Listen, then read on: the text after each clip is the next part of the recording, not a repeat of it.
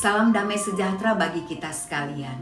Saudara yang dikasih Tuhan, saya percaya sebagian besar dari kita pernah atau tahu tentang cerita yang tertulis di dalam Keluaran pasal 14 ayat 1 sampai 31. Kisah ini bercerita tentang Allah yang melakukan mujizat melalui Musa ketika bangsa Israel berada di depan Laut Teberau.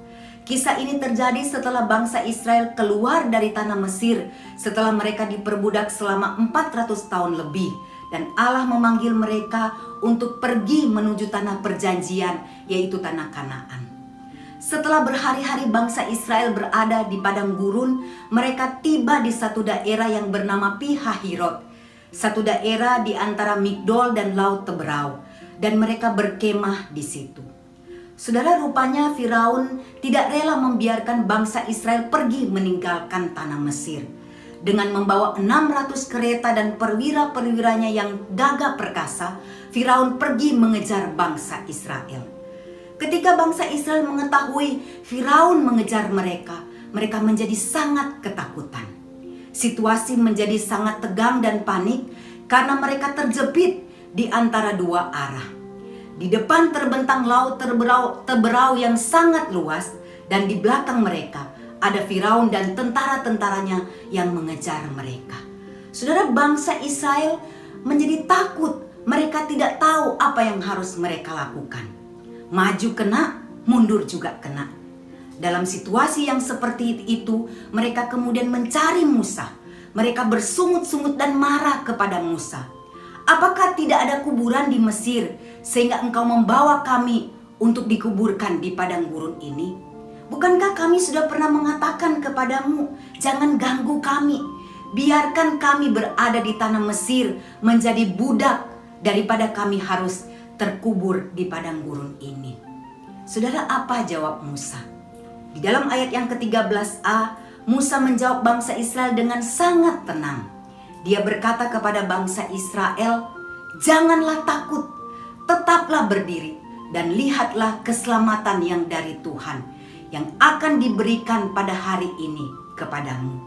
Bahkan di dalam ayat 14a, Musa mengatakan kepada bangsa Israel bahwa Allah akan berperang untuk mereka dan mereka cukup berdiam diri saja.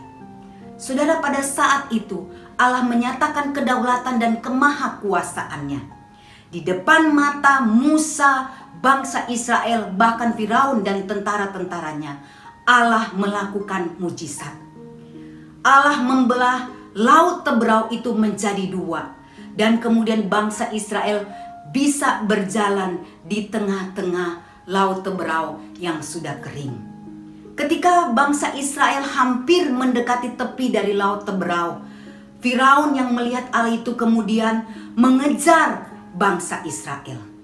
Namun apa yang terjadi ketika mereka berada di tengah-tengah laut Teberau? Allah menyuruh Musa supaya mengulurkan tangannya.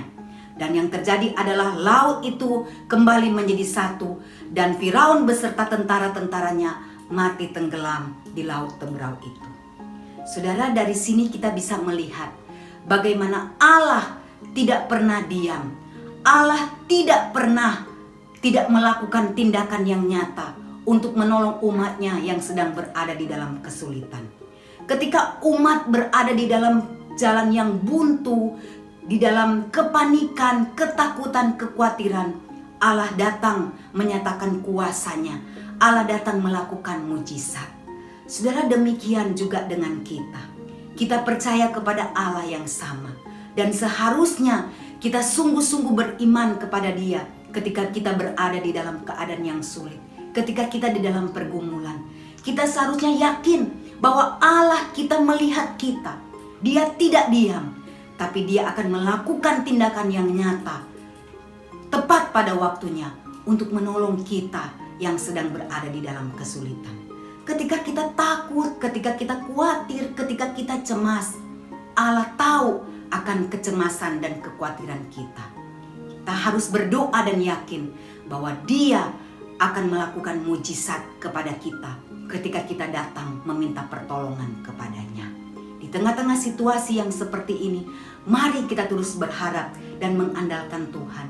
Dia Allah yang peduli, Dia tahu kesulitan kita dan dia akan menolong kita tepat pada waktunya.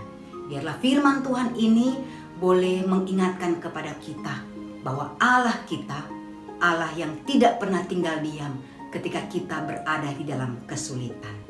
Amin. Mari kita berdoa. Tuhan terima kasih untuk firman-Mu yang boleh mengingatkan kami bahwa Engkau selalu peduli dengan kesulitan-kesulitan yang kami hadapi. Bahkan Engkau tidak pernah tinggal diam. Engkau akan bertindak untuk mengatasi segala pergumulan dan masalah kami. Hanya biarlah kami boleh terus beriman kepada Tuhan, terus percaya dan mengandalkan Tuhan di tengah-tengah kesulitan yang kami hadapi. Dan biarlah kami boleh melihat bagaimana engkau menyatakan kuasamu bagi setiap kami yang percaya kepadamu. Terima kasih Tuhan, terima kasih untuk firmanmu. Di dalam nama Tuhan Yesus kami sudah berdoa. Amin.